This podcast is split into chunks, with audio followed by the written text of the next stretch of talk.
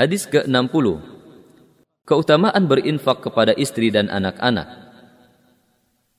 عن ابي مسعود البدري رضي الله عنه عن النبي صلى الله عليه وسلم قال ان المسلم اذا انفق على اهله نفقه وهو يحتسبها كانت له صدقه Dari Abu Mas'ud Al-Badri radhiyallahu anhu dari Nabi sallallahu alaihi wasallam bersabda Sesungguhnya seorang muslim jika meninfakkan suatu infak kepada keluarganya dan ia berharap pahala maka infak tersebut sebagai sedekah.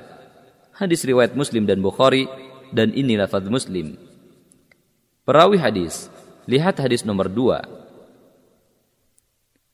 Beberapa faedah hadis ini adalah Hadis ini menunjukkan keutamaan berinfak kepada istri dan anak-anak dan bahwa demikian itu lebih utama daripada jihad di jalan Allah atau daripada berinfak kepada orang miskin.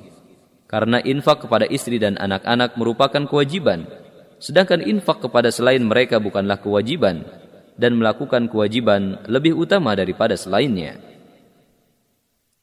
Yang dimaksud dengan ihtisab adalah berniat mencari pahala. Yang dimaksud dengan sedekah adalah pahala Cara berniat mencari pahala yaitu dengan mengingat bahwa wajib atasnya berinfak kepada istri dan anak-anak.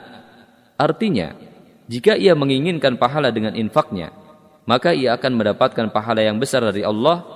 Namun jika ia berinfak dengan lalai dan tidak mencari pahala, maka ia tidak akan mendapat pahala sedikit pun. Infak yaitu mengeluarkan harta yang baik dalam ketaatan dan pada perkara yang dibolehkan.